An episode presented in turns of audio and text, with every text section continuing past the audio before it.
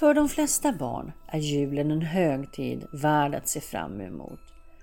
För 13-årige Ivan var det något att frukta. Ivan mindes fortfarande sin sjunde julafton tydligt. En kväll som han, som de flesta barn, hade sett fram emot länge.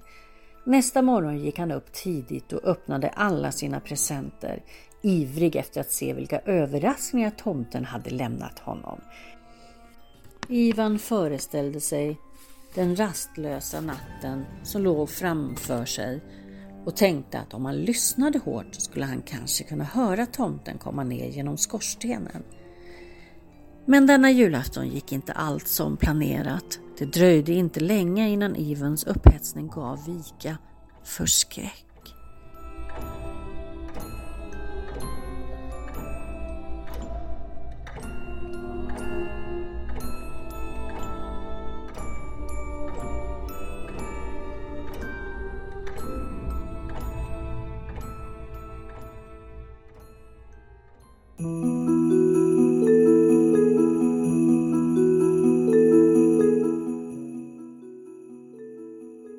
Hej och välkomna kära lyssnare till ännu ett avsnitt av Mellandagschill med mig, Rickard Grönberg.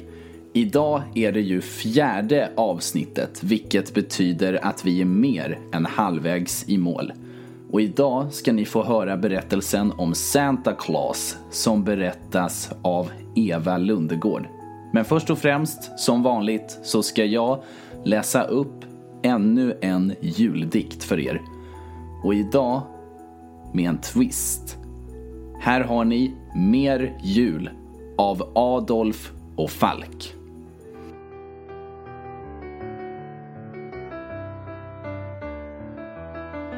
Jag vill ha mer jul. Ge mig mer jul. Jag vill ha mer jul. Ge mig mer jul. Tusen stjärnor som tindrar. Glitter så långt jag ser. Av juleljus som glimmar vill jag ha mer. En show glöms bort om den bara visar upp effekter som man knappast anar. Så ge mig 30 grader kallt, tomtar överallt och en skog av gröna granar. Jag vill ha snötyngda hus, tusentals ljus, kulörta kulor i drivor, bjällerklang som ackompanjemang på alla julens skivor.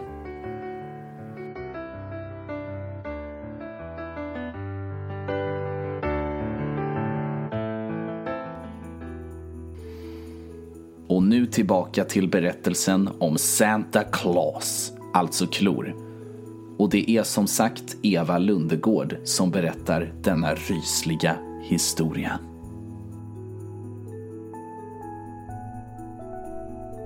Mamma hade insisterat på att tomten inte skulle komma om Iven stannat uppe sent och hon hade precis börjat skicka honom i säng när Iven distraherades av en hög dämpad duns på taket. Det verkade komma direkt ovanför den öppna spisen. Det var som i Night before Christmas. Det uppstod ett sådant skrammel och Ivan gick fram till skorstenen för att se vad som var fallet. Var det nu som tomten hade bestämt sig för att göra ett framträdande? Aska föll från vrår och vrår av skorstenen till botten av den öppna spisen och skickade ut träkolsrök och en brännande lukt. Någon, någon måste störa askan. Iven var ensam. Vem mer gick ner i skorstenen vid den här tiden på julafton? Skorstenen skramlade och en djup rullande röst slog i luften.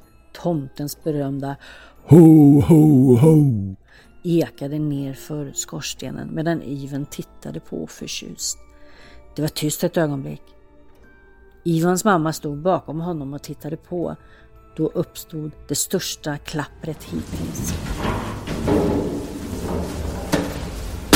Det var en explosion av gråaktig rök när berg av aska föll till botten av eldstaden. Eldstaden skakade som det var en plötslig jordbävning. Sedan mitt i gråheten kom en blixt av rött och en enorm duns. Hade tomten gjort detta? Iven rusade fram, oförmögen att hejda sig själv. Han kände bloss av upphetsning, men mamma var först i skorstenen. Ivan försökte komma ihåg när hans mamma senast uttryckte upphetsning och kunde inte. Sedan lättade röken och den fallna tomten kom till synen. Han hade inte riktigt den mage som Ivan hade förväntat sig, men detta var den minsta av hans observationer. Ivan flämtade när han såg att tomtens skägg hade verkat glida av under hans fall. Men det fanns inget blod. Det enda blodet kom från tomtens huvud. Och det var bara en droppe. Det dåliga var att blodpipan kom från något som såg ut som en stor buckla i tomtens huvud. Ivan rynkade pannan. Tomten kunde inte dö. Han var för bra för det. Han kunde inte dö, inte nu. Så hade någon spelat honom ett spratt. Ivan tittade på skägget som hade sett ut att glida ner för tomtens ansikte. Skägg rördes inte så, åtminstone inte utan att det fanns blod. Så om det inte var riktigt skägg så måste det vara ett falskt. Men om det var ett falskt skägg så var tomtens kostym också en falsk kostym. Det här var inte den riktiga tomten, det här var en förklädd tomte. Iven tittade ännu en gång på den falska jultomtens blottade drag och försökte lista ut vem den här personen kunde vara och förstod ansiktet som verkade så bekant för honom. Han insåg för första gången att mamma aldrig hade varit upphetsad. Istället hade hon rusat till den falska tomtens kropp i sorg. Snyftningarna rann över hennes kropp, hennes tårar droppade på den falska tomtedressen. Iven stod förstummad och strök ett ord. Ivan vaknade kallsvettig och satte sig upprätt i sittande läge. Han tittade på klockan och läste tiden. 02.19. Innan lampan på hans klocka slocknade läste han datumet 20 december. Bara fem dagar kvar till jul. En gång i tiden skulle Ivan ha blivit glad över detta, men nu önskade han att julen aldrig skulle komma. Det var samma dröm igen, exakt i varje detalj. Den kvällen var precis som det hade varit i drömmen. Det slutade aldrig att förvåna Ivan hur livliga dessa drömmar var. De kom ändå till kärnan och tvingade Ivan att återuppleva det värsta ögonblicket i sitt liv. Dessa jäkla mardrömmar. De blev värre runt jul. Han skulle drömma om den ödesdigra kvällen som hans far halkade föll ner för skorstenen och slog in skallen på vägen ner. Eller så skulle han drömma att de där klorna, de där knivskarpa remsorna av polerat ben. De flesta barn växte ur sin tro på tomten. De kom att acceptera att tomten bara var ännu en myt som gjorde barn lyckliga. Men Ivan hade inte vuxit ur det. Han hade ryckts ur det. Hans tro krossades medan sin fars tragiska död. Ivans pappa hade bara försökt överraska Ivan men han hade gjort mycket mer än så. Han hade böjt Ivan bortom reparation och varje jul spökade Santa Claus Ivan. Ivan var övertygad om att Santa Claus var någon slags demon i humanoid form. Han var definitivt inte människa. Han var en slags övernaturlig varelse men Iven hade alltid tänkt på honom som en demon. Santa Claus hade funnits i Ivens liv ända sedan hans far stod. Och även om han för det mesta var frånvarande under året skulle han komma tillbaka runt november, ja kanske slutet av oktober, när det närmade sig jul. Ja, då skulle han bli mer ihärdig. Det fanns mardrömmarna för en sak och visionerna av Iven hade ingen brist på anfall runt jul när Santa Claus var som värst. Ibland fick Ivan panikattacker som verkade komma från ingenstans och det rådde ingen tvekan om vem som hade orsakat dem. Ivan var inte främmande för mobbning i skolan på grund av sina anfall och hans starka motvilja mot jul. Santa Claus hade tagit ut sin rätt på Ivan. Ivan visste att Santa Claus på något sätt hade utlöst av sin fars död. Ibland trodde Ivan att Santa Claus faktiskt var hans fars spöke som blev ond i existensen av livet efter detta. Ivan var inte en som trodde på det övernaturliga, men Santa Claus hade ändrat sig om många saker. Efter ett tag hade Ivan tvingats acceptera att Santa Claus alltid skulle komma tillbaka. Även om Ivan växte ur sin egen personliga motvilja mot jul skulle han aldrig ha en glad jul igen. Det var julen som hade orsakat hans fars död. Det var julen som hade fått jultomtens klor att komma. Ivans huvud föll bakåt på kudden. Skolan hade slutat veckor innan. Men Ivan fruktade fortfarande nästa dag och varje dag fram till jul. Vad Ivan såg fram emot var frånvarande av Santa Claus. Santa Claus skulle hänga runt en stund efter jul. Sedan försvann han, sakta, och Ivan skulle bli fri från sin närvaro mellan februari och november. Då kunde han glömma julen, låtsades som den aldrig funnits. Men oavsett vad så skulle Santa Claus alltid komma tillbaka. Och Ivan var säker på att han aldrig skulle bli fri från sin demoniska tillvaro igen. Ivan vaknade tidigt och rullade upp ur sängen och öppnade sina bärbara dator utan att bry sig om att dra för gardinerna eller tända ljuset. Han ville gå online, kolla sin Facebook, spela in några spel, göra vad som helst för att tänka på julen. Och ännu viktigare, Santa Claus. Det tog en timme eller två innan Ivan satte sig för en lat frukost med cornflakes då Ivans mamma hade tagit sig ur sängen. Mamma hade stängts ute från samhället ett tag efter att hon oväntat blivit änka och utvecklat ett starkt fall av depression. Så småningom hade hon kommit över sin mans död och blivit en mer kärleksfull mamma till Ivan än någonsin. Men hon hade fortfarande sina dåliga dagar. Ibland undrade Ivan om Santa Claus var i hennes sinne också. De båda stöttade varandra mycket men Ivan kunde inte låta bli att känna att huset var ensamt då och då. Ivan hade berättat för sin mamma om Santa Claus och de första åren efter sin fars död. Men sedan hade han bestämt sig för att låtsas att han hade vuxit ur den. Han ville inte lägga extra vikt på mammas axlar. Men Ivan kunde inte dölja anfallen. Han kunde inte dölja det faktum att han ibland var uppslukad av en hallucination, ofta angående jultomtens klor. Ivans mamma verkade skylla det på traumat han hade fått efter sin pappas död. Visst, kanske inte alla barn skulle uppleva den typen av trauma, men alla är olika, eller hur? Ivan sa god morgon till mamma och fortsatte att äta sina cornflakes. Eldstaden var direkt till höger om honom och Ivan trodde att han kunde få en glimt av rött i ögonvrån. Hans huvud vände sig. Ingenting. Paranoia. Eller så kanske Santa Claus spelade honom ett spratt. Hur som helst, Ivan hade inte lust att se Santa Claus i köttet. Han hade sett honom redan. Fem gånger för att vara exakt. Och skulle se honom en sjätte gång. För varje julafton klockan 20.13, exakt samma tid som hans far hade fallit, dök han upp i den öppna spisen och Ivan var alltid där för att se honom göra ett framträdande. Det var då som Ivan bestämde sig för att i år skulle han vara förberedd. Det skulle inte vara annorlunda än något annat år. Santa Claus skulle dyka upp i den öppna spisen på exakt samma tid som han hade året innan. Och året innan det och året innan det. Mamma var aldrig med. Hon gick alltid och la sig tidigt på julafton eller låg i sängen hela dagen. Den här gången skulle Ivan inte bara titta på Santa Claus.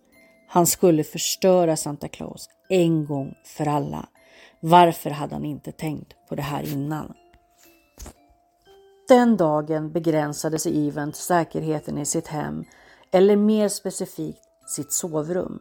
Han distraherade sig själv med datorspel och andra aktiviteter samtidigt som han hela tiden planerade hur han skulle bli av med Santa Claus när han gjorde ett framträdande.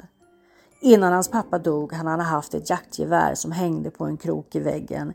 Efter hans död hade den gömts undan i hans garderob som såklart fanns i sovrummet som mamma sov i. En pistol var Evens närmaste skott och det var det enda han kunde komma på som kunde döda Sankt Claus. Vad mer skulle han göra? Ropa några trotsiga ord, attackera Santa Claus med sina bara händer Hans döda fars gamla jaktgevär var det enda pistol som Ivan kunde få tag på. Det enda problemet var att få ut ur garderoben utan att hans mamma fångade honom och hon var säker på att bli misstänksam om hon såg honom ta ut en pistol ur garderoben. Detta visade sig dock vara en lättare uppgift än vad Ivan trodde. När mamma gick ut för att shoppa gick Ivan direkt till garderobsdörrarna och började gräva igenom kläderna. Det var då han upplevde anfallet. Ivan hade precis fått syn på pistolen när ett plötsligt ryck gick genom hans kropp. Hans muskler var förlamade, lederna frusna på plats. Ivan kunde inte göra annat än att stirra hjälplöst när han föll baklänges på trägolvet. Elektricitet rann genom hans kropp, så nu ryckte galet på golvet. Skuggor dansade framför hans ögon när synerna började. Han såg sin far, nu ett askbelagt skelett iförd tomteluva, lura ner på honom genom tomma ögonhålor. Han såg en julgran dekorerad med blodiga lemmar, organ och vad som såg ut som upprövade tarmar. Han såg klor som ringlade sig framför hans ögon, klor som skulle skära i honom i två delar om han gjorde så mycket som att blinka. Ivan kom till precis när han hörde bilen köra in på avfarten. Desperat rusade han ögon runt och letade efter jaktgeväret. Något tunt och svart som stack fram från en hög med kläder fångade hans blick. Geväret! Han ryckte upp den och sprang mot sitt rum utan att komma ihåg att stänga garderobsdörren. Han hade precis nått sitt rum när mamma öppnade ytterdörren. Det var inte förrän hans mamma ropade till honom någon timme senare. Ivan, har du gått igenom min garderob? Att Givon kom ihåg att han hade försummat att stänga garderobsdörren Ehm, ja, svarade Iven och tänkte snabbt. Jag letade efter en jacka. Du vet eftersom alla mina andra är för små.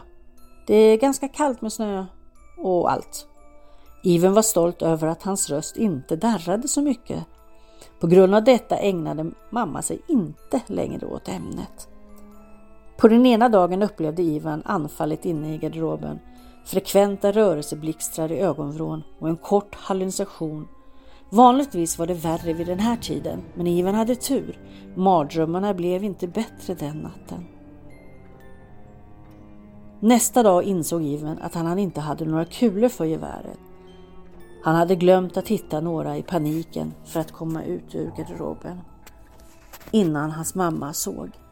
Mamma gick inte ut den dagen, men Iven bestämde sig för att ta en titt i garderoben ändå och om hon frågade skulle han hitta på samma lögn som igår. Efter lite allvarligt rotande hittade han tre herrelösa kulor gömda i ett hörn av garderoben i ett plasthölje. Den här gången glömde han inte att stänga garderobsdörren. Han stoppade kulorna i fickan ifall mamma skulle komma in i korridoren, men det gjorde hon inte. Planen såg framgångsrik ut. Den dagen pratade Santa Claus med Yven. Orden sades inuti Yvens huvud, men Yven visste väl vem de tillhörde. Ivan upptäckte att han inte kunde komma ihåg det mesta av talet efteråt, men visste att det hade något att göra med Ivens plan att döda Santa Claus. Naturligtvis, Santa Claus kunde komma in i Ivens huvud, så varför skulle han inte kunna läsa Ivens tankar? Detta var vad han hade gjort. Ändå var Ivan inte beredd att ge upp så snabbt. Den dagen kunde han ha sett en hel del saker som inte fanns där, men Ivan behöll sina tankar om det laddade geväret. Den 22 december hörde Ivan inte bara Santa Claus och upplevde sina versioner utan kände också Santa Claus på sitt eget kött. Vid det tillfället kändes det som att en katt körde klorna över hans arm, men ingen var där. Ändå hindrade det inte blodet från att rinna. När mamma frågade honom vad som hade hänt med armen så sa han att Stormo hade kliat honom. Ivan hade en gammal täbykatt som heter Stormo och var inte främmande för hans repor. Mamma märkte inte anfallen och hallucinationerna helt enkelt för att Ivan höll sig till sitt rum hela dagen. Det var en ynklig tillvaro, men Ivan visste att han var tvungen att göra det för att undvika misstankar. Mamma skyllde det på vad som hade hänt med hans far. relaterade det till tidigare trauman och som en konsekvens kände behovet av att stänga sig borta från det som upplevelsen hade varit relaterad till, julen. Ivan hade inga problem med detta. Den 23 gick snabbt, men 24 var den värsta dagen han upplevt hittills. Han tillbringade mycket av sin tid med att plågas av den demoniska närvaron av Santa Claus. Hans skrämmande meddelande ringde i hans öron. En gång gick mamma in i rummet medan han fick ett anfall i sin säng, men kunde inte undvika misstankar genom att säga att han var mitt i en mardröm. Tiden drog ut på tiden eftersom Iven blev mer och mer plågad. Ivens mamma gick och la sig tidigt som hon vanligtvis gjorde på julafton. Detta lämnade Iven två timmar tills, tills Santa Claus gjorde ett framträdande. Varje år som hade gått hade Iven varit vid den öppna spisen klockan 8.13. Men det berodde på att Santa Claus hade velat att han skulle vara där. Han hade känt hur benen rörde sig och hade inte kunnat stoppa dem. Santa Claus ville att Iven skulle vara där för att se honom. Det var därför Ivan såg till att han hade geväret hårt i händerna innan tiden kom. Ivan tittade nervöst på sin klocka. Nej, han var förbi nervös. Han var livrädd. 8 och 13 kom och ingenting hände. Men vid 20 sekunders sträcket kände han hur benen rörde sig ner för korridorerna mot loungen. Hans händer öppnade loungedörren. Han närmade sig den öppna spisen. Gardinerna var fördragna, ljusen var släckta. Det var mörkt och Ivan kunde inte se något annat än siluetten av Santa Claus i den öppna spisen. Ivan kunde se konturerna av en tomteluva på hans huvud och var inte främmande för klorna som hängde vid skuggans sida. Ivan kände närvaron av Santa Claus, visste att Santa Claus snart skulle bli upplyst av ett spöklikt ljus och Ivan skulle kunna se honom i köttet. Sedan skulle han höja pistolen, trycka på avtryckaren och det skulle vara över. Eller så hoppades han. Ivan stod där för vad som verkade vara en evighet. Sedan kom de tomma, blödande öghålorna till synen. Den vita, nästan genomskinliga huden. Den vassa, blodiga tanduppsättningen som visar sig bakom slemmiga läppar. Den trasiga tomtedräkten smetad med blod från oskyldiga offer. Och värst av allt, den långa, knivskarpa uppsättningen klor som hängde på varje sida. Ivan var livrädd. Han stod förlamad av rädsla när Santa Claus flinade och höjde sina händer mot honom. Ivan kunde inte röra sig, kunde inte göra något annat än att titta på när klorna kom närmare och närmare honom. Det var för sent att skjuta nu. Det var över. Men när Even stod frusen stelnade hans muskler och hans fingrar stramade runt avtryckaren. Det hördes en fantastisk smäll och en bländande ljusblixt. Sedan bleknade världen till svart. Even vaknade av att mamma skakade frenetiskt i honom. Han blinkade och försökte ta reda på vad som hade hänt. Sedan kom han ihåg. Han hade dödat Santa Claus. Mamma sa att hon hade hört en smäll och kommit in för att se vad det var för ljud. När hon såg att Ivan höll i jaktgeväret var hennes första tanke att Ivan hade skjutit sig själv. Men hon hade inte sett att det fanns någon märkbar skottskada och att Ivan uppenbarligen fortfarande andades. Ivan var utmattad men för glad för att kommentera. Hans ansikte bröt upp i ett leende. Jag gjorde det, viskade han. Jag gjorde det. Mamma såg bekymrad ut. Du mår inte bra Ivan. Du ska till en läkare så snart som möjligt. Jag är orolig för dig. Jag dödade Santa Claus, babblade Ivan, omedvetet om sin mammas oro. Han var överväldigad av glädjen när Santa Claus inte längre skulle finnas i hans liv.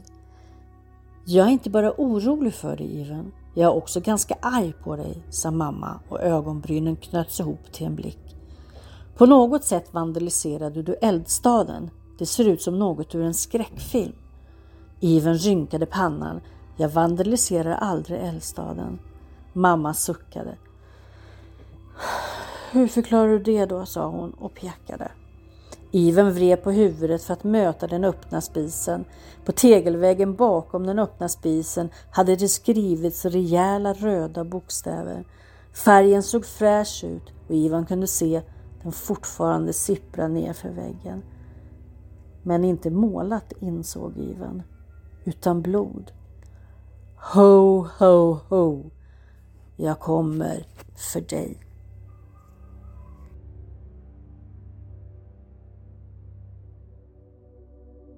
Oh, ja, vilken rysare, eller hur? Men nu, kära lyssnare, har det tyvärr blivit dags att runda av för idag. Men innan ni går så får ni jättegärna gå med i våran Facebookgrupp Lägerelden Eftersnack där ni kan se bilder från dessa fall samt hänga med i poddens vanliga feed. Vi finns även på TikTok under namnet Lagerelden. Vill ni komma i kontakt med den här podcastens skapare Rasmus Bryngel Andersson så kan man mejla honom på rasmusandbry gmail.com och ni kan även nå mig, Rickard Grönberg, på rickard.rundan icloud gmail.com. Ni kan även följa mig på TikTok där jag bjuder på imitationer och annan underhållning under namnet Rickard understreck med understreck CK. Så hörs vi återigen imorgon helt enkelt med nästa avsnitt.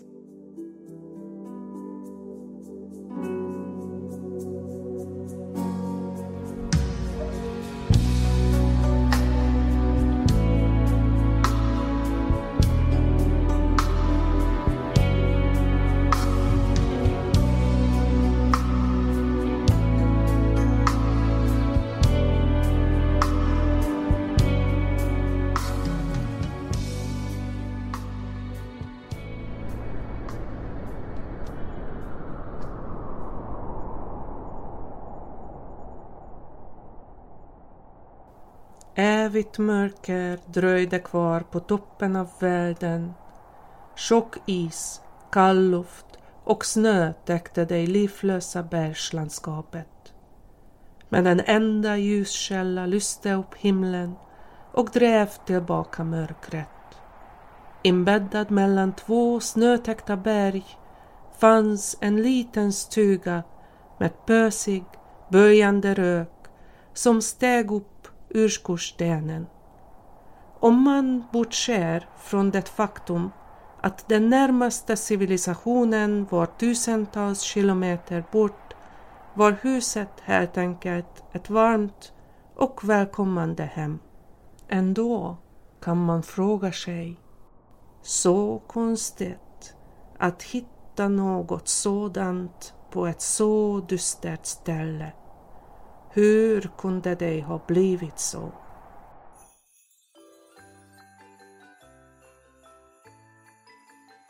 Hej och välkomna återigen kära lyssnare till det näst sista avsnittet av Mellandagschill. Mm, ni hörde rätt, vi är nästan helt och hållet i mål med bara ett enda avsnitt som återstår.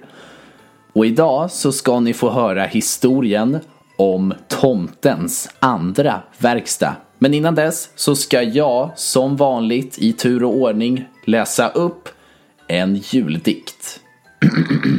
Omakalösa stjärna som brinner klar och stor. O skjul som har fått värna en nyfödd och hans mor. Eländigt och förfallet av lera och av strå. Halvt utan tak är stallet. Som stjärnan lyser på. Kring krubbans enkla låda står glansen silverblond. Vad natten lät oss skåda är över allt förstånd. Jajamän. Och nu, kära lyssnare, har det blivit dags att dyka in i dagens mörka historia om tomtens andra verkstad som berättas av våran inläsare Agnes Jarfas. Liksom de flesta saker som fanns på Nordpolen var inte allt på plats. Denna plats var oförlåtande och grym. Den kan kosta dig livet på bara några minuter. Endast ett fåtal varelser hade tillstånd att leva i denna hårda och obevekliga vildmark. Alla andra som begav sig in på denna domän gjorde det på egen risk, som invånarna i detta lilla, lilla hem. Dessa individer var dock inga andra och med lite magi till sitt förfogande levde de lyckliga och glädjefulla liv. Vid första anblicken verkade det inte vara något annat än ett enkelt vanligt hem som beboddes av ett äldre par som älskade varandra högt. Om detta var din gissning skulle du ha fel. I verkligheten fanns det en magisk hemlighet för det lilla huset var mycket mer än vad man kan se. Det lilla huset var inte bara ett hem utan toppen av en mystisk verkstad som fanns gömd under isen. I århundraden har barn runt om i världen njutit frukterna av i den dolda verkstaden. Året runt slät och arbetade små magiska händer för att skapa leksaker till världens alla goda barn. Alver, de sista av de magiska varelserna från forna tider, bodde där och använde sina mystiska förmågor för att skapa underbara och roliga saker till julmorgonen. Tre dagar efter vinterstillståndet tog den gamle mannen på sig sin tunga kappa och sina stövlar och levererade denna julglädje till vartenda barn i världen. Men som med allting i kosmos så måste det finnas en balans. För varje natt måste det finnas en dag. Varje början har ett slut. Och för varje snällt barn fanns det förstås en stygg liten pojke eller flicka att hitta. Långt nedanför de starka ljusen, sången och de glada tomtarna som skapade och byggde nya och fantastiska leksaker fanns det uterliggare en verkstad. Dit nådde dock inte värmen från härdstenarna. Emedan syftet med den övre verkstaden var att skapa glädje var den andra mörk och steril och hade ett annat syfte. Det var här som alla billiga och lättkrossade leksaker tillverkades. Det fanns inte kärlek i dessa föremål. Aldrig skulle ett barns ögon lysa av förundran och vördnad när de såg dessa gåvor på julmorgonen. I sin visdom visste den gamle att inte heller de stygga barnen skulle glömmas bort under den godhetens tid. Men den gamle mannen var inte dum och hade ingen lust att slösa bort tid och ansträngningen på sådana otacksamma uppgifter. Detta ansvar överlämnades till de landsförvisade alverna som bodde i de djupaste hålorna nedanför verkstaden. De med själviska hjärtan och giriga begär, fråntagna sin odödlighet, vittrade de bort i mörkret med bara tråkiga prydnadssaker att fördriva tiden med. Ergra etach satt i det dåligt upplysta hörnet på en trasig arbetsbänk. Hans fokus var helt och hållet ägnat åt det gamla och slitna mässingstycket i händerna.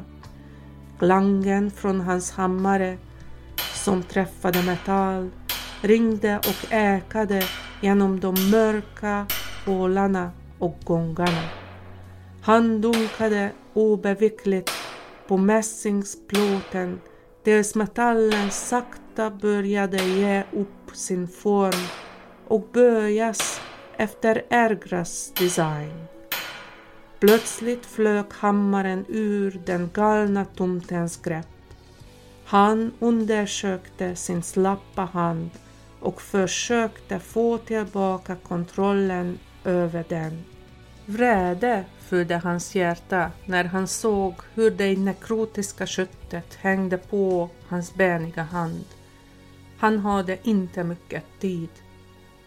Hans andra hand var svag men ändå kapabel att greppa. Han sträckte sig in i sin verktygslåda och tog upp en lång skev spik och högg in den i baksidan på sin förlamnade hand.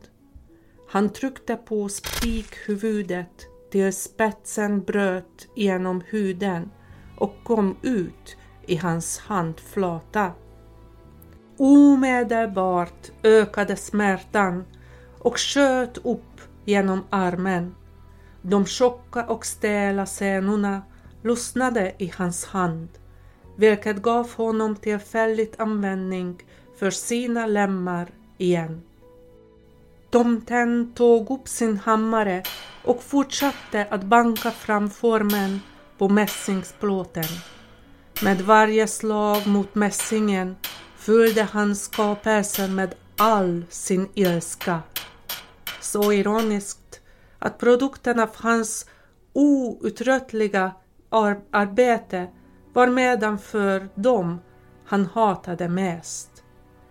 Hans försämrade kropp tynade snabbt bort.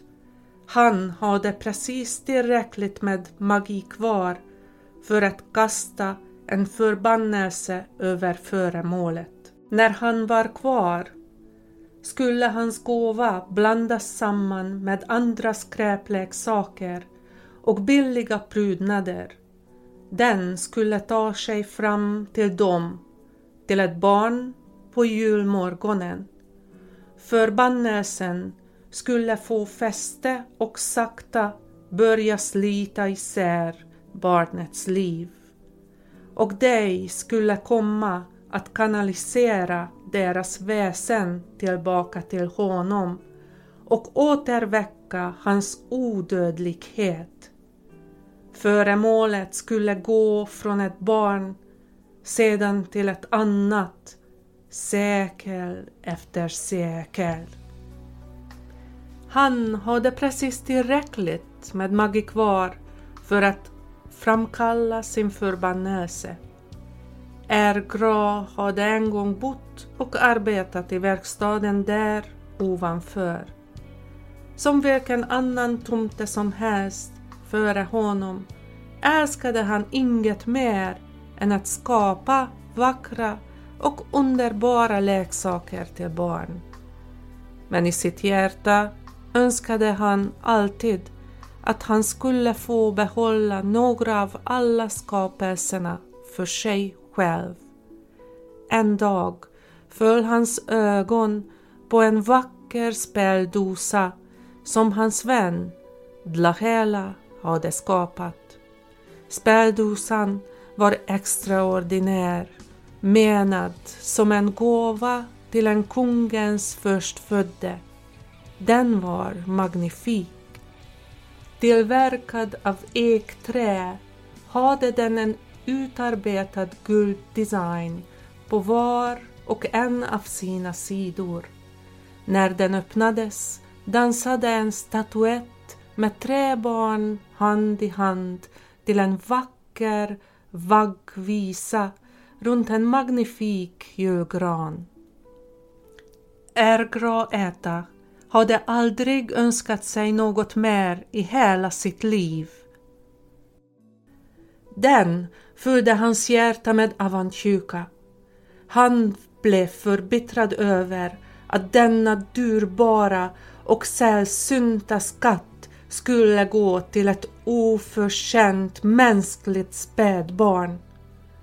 Den lilla flickan förtjänade den inte. Den borde ges till honom, tänkte han. Så i skydd av mörkret smög Ergra in på arbetsområdet och stal speldosan. Oförmögen att sova och angelägen om att lägga sista handen på sin vackra skapelse bestämde sig Lahela för att återvända till verkstaden. Till sin förvåning och chock upptäckte han då alven som försökte stjäla den speciella speldosan. Dlahela blev rasande. För girighet och stöd bland alver var extremt stötande och tolererades inte. Ergra bad sin vän att inte rapportera hans överträdelse men Blahela var oberörd av hans vädjanden och vände sig bort och började gå för att berätta för de andra om Ergras brott. Desperat gjorde Ergra det enda som återstod för honom att göra. Han tog tag i en hammare och bankade den i sin väns huvud om och om igen tills inget mer liv fanns kvar i den sköra lilla kroppen. Trots sina noggranna försök att dölja sitt brott kunde han inte slippa den gamle mannens syn och visdom.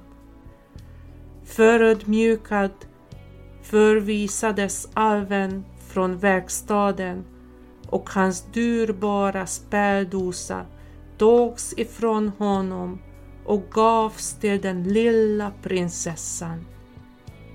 Fråntagen sin odödlighet kastades Ergra äta ner i den kalla och mörka korridorerna under marken för att där tillbringa sina återstående dagar och aldrig få skapa något vackert igen. Allt eftersom årstiderna gick växte hans hat mot alla barn. Han gnisslade sina tänder för han visste att människors barnen fick allt och han ingenting. Böjd över bänken arbetade Ergra febrilt för att fullborda sitt mästerverk. Han stirrade stint ner i städet och hamrade på mässingen. Varje slag förde in ett vidrigt barns ansikte i hans sinne. Dig lever i värme. Den trubbiga hammaren formade metallen till en ihålig cylinder. Det fyller munnen med godis och gotter. Stumpiga ben svetsades på plats. De får allt de önskar av sin mamma och pappa. Ett missbildat huvud och sneda öron tog form. De får allt som dess lilla hjärta önskar. Mässingsutan skurades från skepp och smuts. Det får allt det vill ha. Små turkosa stenar fästes på mässingskroppen. Jag hatar det. En glittrande röd rubinen var bunden till vänster sida figurens huvud. Jag hatar det. Slutligen bäddades en andra röd rubin in i ytan på ansiktets andra sida. Jag hatar dem alla. I skenet från elden höll Ergra upp mässingsfiguren. Det var en skev variant av en kanin. Dess kropp var ett galler av korsade mässingsremsor som var smyckade med en ljusblå turkosten vid varje korsning. Dess huvud var missbildat och gav intrycket av något som dött istället för en trevlig kanin full av liv. Han placerade den fruktansvärda skapelsen på en öppen silvermedaljong som innehöll en spegel på var och en av de järnjärnsförsedda innersidorna. Med kaninfiguren vänd mot en av speglarna öppnade han försiktigt en flaska som innehöll en klar vätska. Det var lymfa.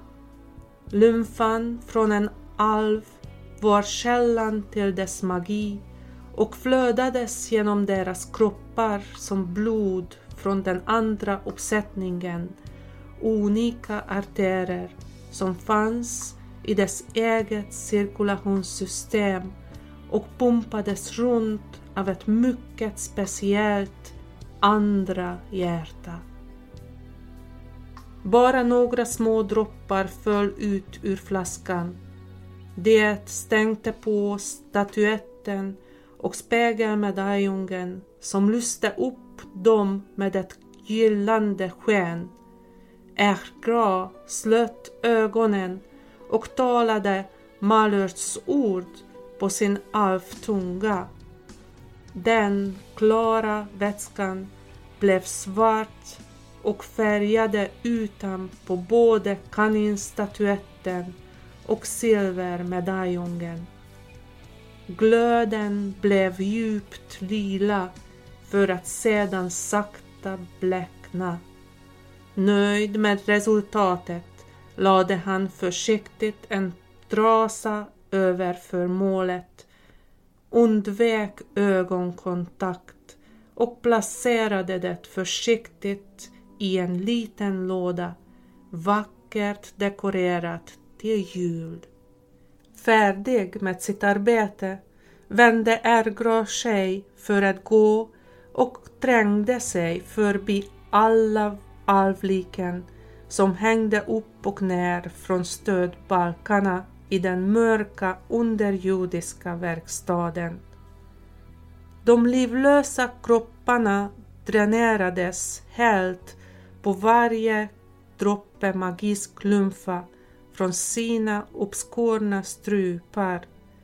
Ergas beräkning hade varit korrekt. Han hade precis tillräckligt med magi för att lyckas ge kraft åt förbannelsen som kastades på föremålet.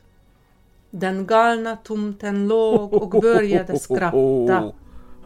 För första gången på mycket länge fylldes ärgrå Ätas mörka hjärta av förväntan när julmorgonen närmade sig.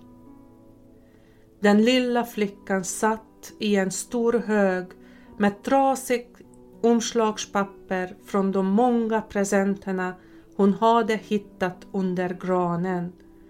På morgonen den 22 december hade Gabi tidigare än alla andra.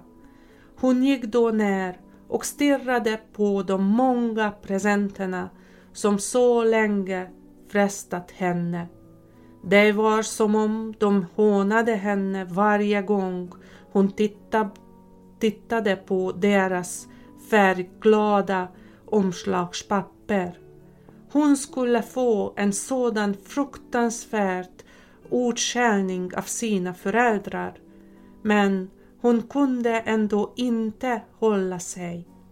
Till en början skulle det bara vara ett paket hon öppnade. Sedan blev det två, sedan ett till och ett till. Innan hon visste ordet av hade alla hennes presenter öppnats. trots att hon hade fått allt hon önskat sig var hon fortfarande inte nöjd. När Gabi reste sig fångade en liten present bredvid julgransfoten hennes blick. Hon kunde ha svurit att den inte hade funnits där tidigare. Omslagspappret var slitet och gulnat. På en etikett stod det skrivet med stora bokstäver till Gabriella. Det här paketet liknande inget annat och hon skulle utan tvekan lagt märkte till det om det legat där innan. Förbryllat tog hon bort omslagspappret och hittade en låda som innehöll en mindre förseglad låda och en pappersrulle. Hon öppnade rullen och läste. Grattis, lyckliga! Du är den stolta ägaren till Pepe, the Rabbit. Pepe älskar dig och kommer att bli din bästa vän i hela världen. Pepe är en vän utan dess like och han kommer att ge dig allt ditt hjärta önskar. För att vara Pepes vän måste du lyssna på honom och lyda följande instruktioner. För den första, placera Pepe på hans medaljong vänd mot spegeln. För det andra, se aldrig Pepe i ögonen.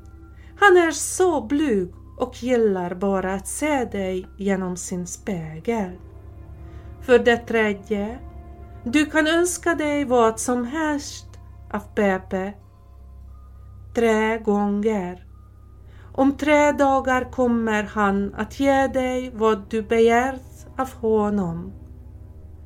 För det fjärde, se aldrig Pepe i ögonen. Det tål att upprepas. Han gillar det inte och kommer att bli upprörd om du inte lyder denna regel. Kom ihåg, lyckliga lilla pojke eller flicka. Pepe älskar dig. Han älskar dig mer än någon annan i hela världen. Pepe kommer att se till att ingen kommer att skada dig någonsin igen.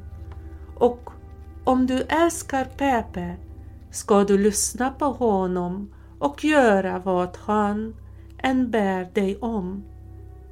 Pepe älskar dig och ingen kan någonsin komma mellan dig och honom. Pepe älskar dig.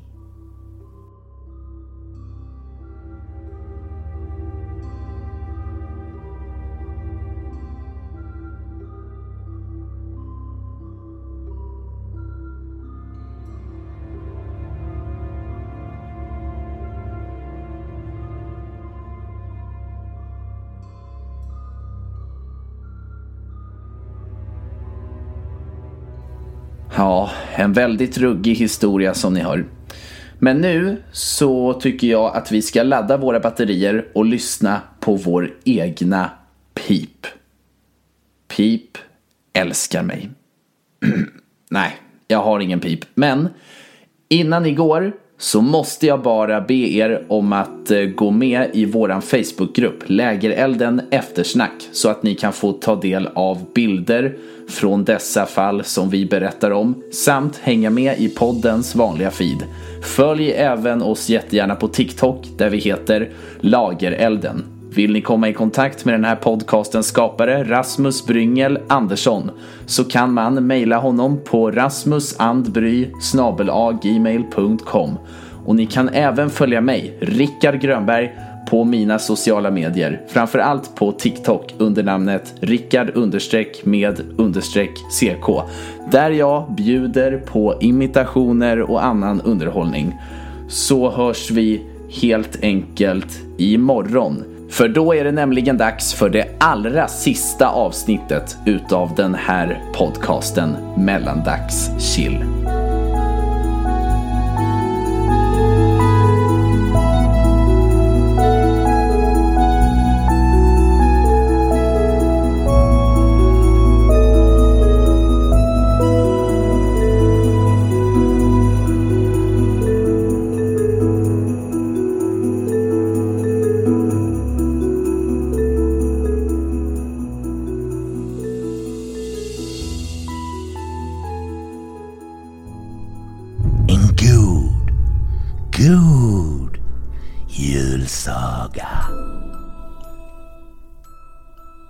Var mörkt. Jag försökte hitta ljusknappen, men min hand famlade bara patetiskt över de kalla väggarna. Varje fiber i min kropp frös, förutom mitt ansikte, som blev varmare och varmare när mitt hjärta slog snabbare och snabbare. Min hand ryckte uppåt och neråt, men hittade inget annat än slät tapet.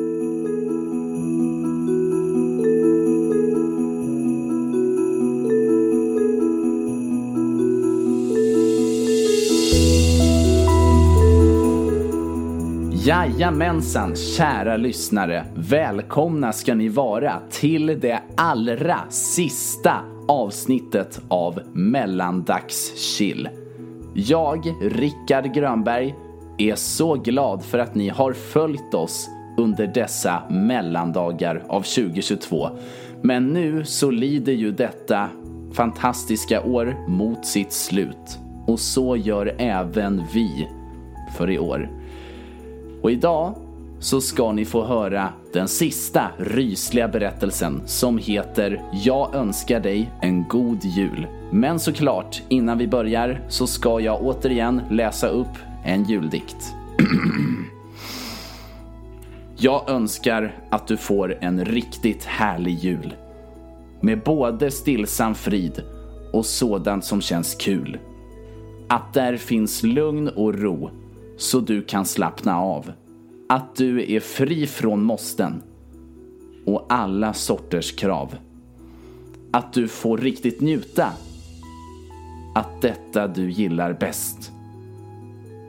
Att du får vara nära just de du älskar mest.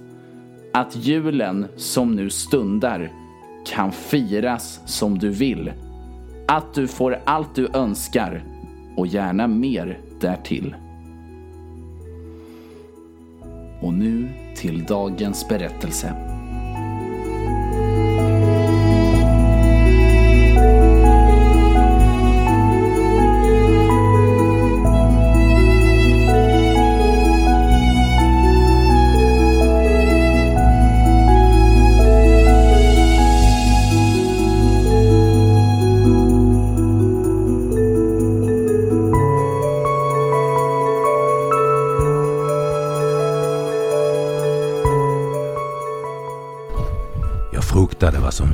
I slutet.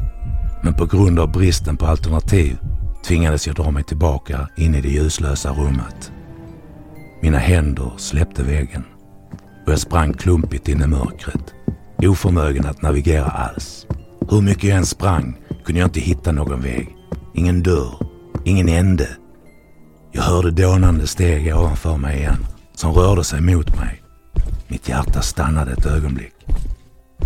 Luften blev kallare och jag väntade med tårar rinnande ur ögonen. Det var för mycket att ta. Jag försökte springa tillbaka den vägen jag kom, men jag hade helt tappat orienteringssinnet. Allt jag visste var att de tjocka skuggorna gnagde på mitt förstånd. Tystnaden var så tät, så uttalad, så outhärdlig. Den var värre än fotstegen. Jag snubblade på något och min arm träffade ett fast underlag. Väggen. Men vad var det? På marken. Jag var rädd att röra vid den, att söka efter den. Jag försökte ta in lukten av rummet. Den dammiga gamla lukten av ett gammalt, ruttnande hus hade funnits i alla rum, utom det här. Nej, något annat ruttnade. Det är jag, tänkte jag ofrivilligt. Men nej, vilket nonsens. Det låg ett ruttnande lik på marken. Ett ruttnande, mögligt, maggotfyllt lik. Plötsligt kändes något som strök sig mot mina nakna fötter. Något litet och slemmigt. Något vitt. Jag ville komma ut ur det här hörnet. Jag ville komma bort från liket. Det här är inte jag, sa jag till mig själv. Det är ditt rum, svarade en röst i mitt huvud. Mitt sovrum. Min säng. Jag var så trött. Jag kände mig osäker. Jag kände aldrig att jag behövde någon annan omkring mig. Jag hatade mänsklig kontakt. Men i det ögonblicket fylldes mitt hjärta av en önskan om komfort, säkerhet och en mamma. Du kan inte ha din mamma, men tröst och trygghet, uppmanade rösten med att fortsätta. Gå och lägg dig, det är din säng. Jag var lydig och la mig på min säng. Och innan jag ens hade tänkt efter gömde jag mig under min filt. Även innan monstret kommer. Monstret. Jag bytte till fosterställning, drog filten över mitt huvud, oförmögen att bära tanken på att ett monster skulle dyka upp i mitt rum. Inte mitt rum. Det kan inte vara i mitt rum. Mitt rum är säkert. Mitt rum är... Bebott av larver. Maggot som äter sig genom ett lik. Ditt lik. Ditt illaluktande, stinkande, ruttnande lik. Nej, viskade jag frenetiskt. Nej, nej, nej! Det var inte det här! Det var inte det här jag ville säga! Vem bryr sig om vad du ville säga? Om det jag säger är sant? Rösten i mitt huvud viskade i mitt öra. Jag kunde känna den varma andedräkten. Känna den obehagliga doften av en smutsig tunga när dess ord trängde in i mitt sinne. Men detta kan inte vara... Jag låg i min säng. Jag var säker. Jag låg under min filt. Min kropp slappnade av. Inget hände. Tystnaden verkar mer tröstande och välkomnande för varje sekund. Jag vågade titta upp under min filt för att se att det inte var lika illa som tidigare. De sista bitarna av månsken smekte mitt fönster och jag såg att mitt rum var som vanligt. Som alltid. Det var inte brett och rymligt. Det var mitt rum. Det var inte kallt. Det var mitt rum. Det var inte dammigt. Det var mitt rum. Dörren stod på glänt. Okej, okay. men det var mitt rum. Ljusknappen var... Jag försökte skanna mitt rum efter den. Men det var fortfarande för mörkt och jag försökte att inte bry mig. Kroppen är rutten. Det är ditt rum. Sa den hånande viskningen i mitt huvud till mig. Nej, sa jag till mig själv. Det finns inget lik. Det finns, det finns, svarade rösten. Se själv. Jag kunde inte låta bli och såg något bredvid mig på golvet. Jag hade aldrig sett något så äckligt tidigare. Marken var grön och vit. Möglet spred sig överallt som spindelväv. Mattan var full av ruttna bitar av kött. Likets huvud var vanställt till oigenkännlighet och ur ögonen kröp hundratals och tusentals små otäcka slemmiga larver som skimrade i månskenet. Jag drog mig tillbaka under min filt. Det var bara en dröm. Bara en dröm. Det är värre, eller hur? För om det bara är en dröm, vem kommer att höra ditt skrik? Vem ska rädda dig? Mamma gör det inte. Försvinn! skrek jag in i mitt sinne. Varför? Är du inte ensam? Längtar du inte efter en tröstande följeslagare? Jag kan muntra upp dig för alltid och alltid och alltid. Jag grävde ner mitt tårfyllda ansikte djupare och djupare i den dammiga, mögliga, illaluktande sängen Jag ville vara borta, borta från liket. Jag kände ett stickande i ansiktet. Det är Maggots, sa jag ofrivilligt till mig själv. Och sen... Fortsatte rösten skakigt, som ett försök att kontrollera sitt skratt. Då kommer jag att förtära dig för alltid och alltid och alltid. Det kommer aldrig att bli tråkigt. Det kommer aldrig att bli ensamt. Jag hade svårt att andas. Jag tryckte in mitt ansikte ännu djupare i den motbjudande sängen. Och så hände något som fick mitt blod att frysa. Mitt hjärta stannade. Tystnaden hade trängts in av lätta, långsamma fotsteg. Fotsteg kretsade runt mig. Min säng. Mitt tårfyllda ansikte fortfarande begravt i det ruttnande tyget. Jag hörde fotstegen bli högre, snabbare, mer kraftfulla. Jag slutade andas.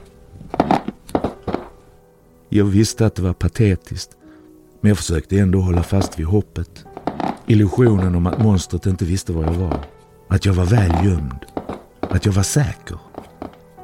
Sluta gömma dig, jag hittar dig, jag hittar dig ändå. Hur som helst och alltid och alltid. Skrek rösten nu galet, men utanför mitt huvud. Jag väntade. Jag väntade så länge. Fotstegen hade äntligen stannat. Tystnaden var outhärdlig. Luften verkade tung. Jag blev nästan andfådd och vände mig om så att mitt ansikte vreds bort från madrassen. Plötsligt trängde en vit hand in i min trygga hamn. Min filt. Jag blev förskräckt och kände hur min kropp ryckte. Handen rörde sig långsamt mot mig. Dess rörelser likt en äcklig spindel. Den tog tag i min hand med kraft och försökte dra mig därifrån. Sen drog en hand med blodiga klor bort filten helt och jag stirrade in i ett vanställt, blekt ansikte. Jag vann! sa varelsen. När den blodröda munnen rörde sig lade jag märke till raden av vassa, gula tänder. Motslagen försökte jag titta bort, men min blick fångade de där glödande, gula ögonen. God jul! sa den. Och dess läppar ringlade ihop sig till ett grymt lismande leende. Blod rann ut från dess tunna läppar. Ansikte mot ansikte befann jag mig med vad som verkade vara en vanställd, skrämmande jultomte. Den röda hatten, sliten och smutsig, full av torrt blod. Det kändes som temperaturen sjönk ett par hundra grader. Jag skrek. Jag skrek så högt att jag vaknade. Ramlade ur sängen. För ett ögonblick förväntade jag mig att se monstret lika nära mitt ansikte som tidigare. Sedan försvann klarheten i minnena och min hemska dröm. Jag kunde bara minnas. Vaknade på natten. Behövde toaletten. Lukten. Fotstegen. Mörkret. Men det var bara en dröm. Min mamma kan rädda mig. Mamma. Hon skickade förmodligen inte något i år heller. Jul utan presenter. Utan vänner, familj. Kärlekens högtid. Samtidigt som du känner dig som den minst älskade personen på jorden. Men vänta. Det låg ett paket precis bredvid mig. Precis under fönstret. Precis där liket... Men nu hade det ju bara varit en dum dröm. Jag tog det och när jag såg att det inuti det inte ont anande bruna paketet fanns en present. Inslagen i festligt omslag i rött och guld. Bokstäverna God Jul skrivna överallt gick pulsen upp snabbt. Med ryckande, darrande händer tog jag fram en spegel. Och även om varje fiber i min kropp sa åt mig att inte göra det så var jag bara tvungen att titta i den. Och det jag såg var mer än skrämmande. Skrämmande, äckligt, störande. Det som såg tillbaka på mig, det var ansiktet. på det ruttna liket. Slemmiga, små hungriga larver som kröp ut ur ögonen när de åt sig igenom det ruttna köttet. En röst fnissade bakom mig. God och godaste jul! Ho, ho, ho!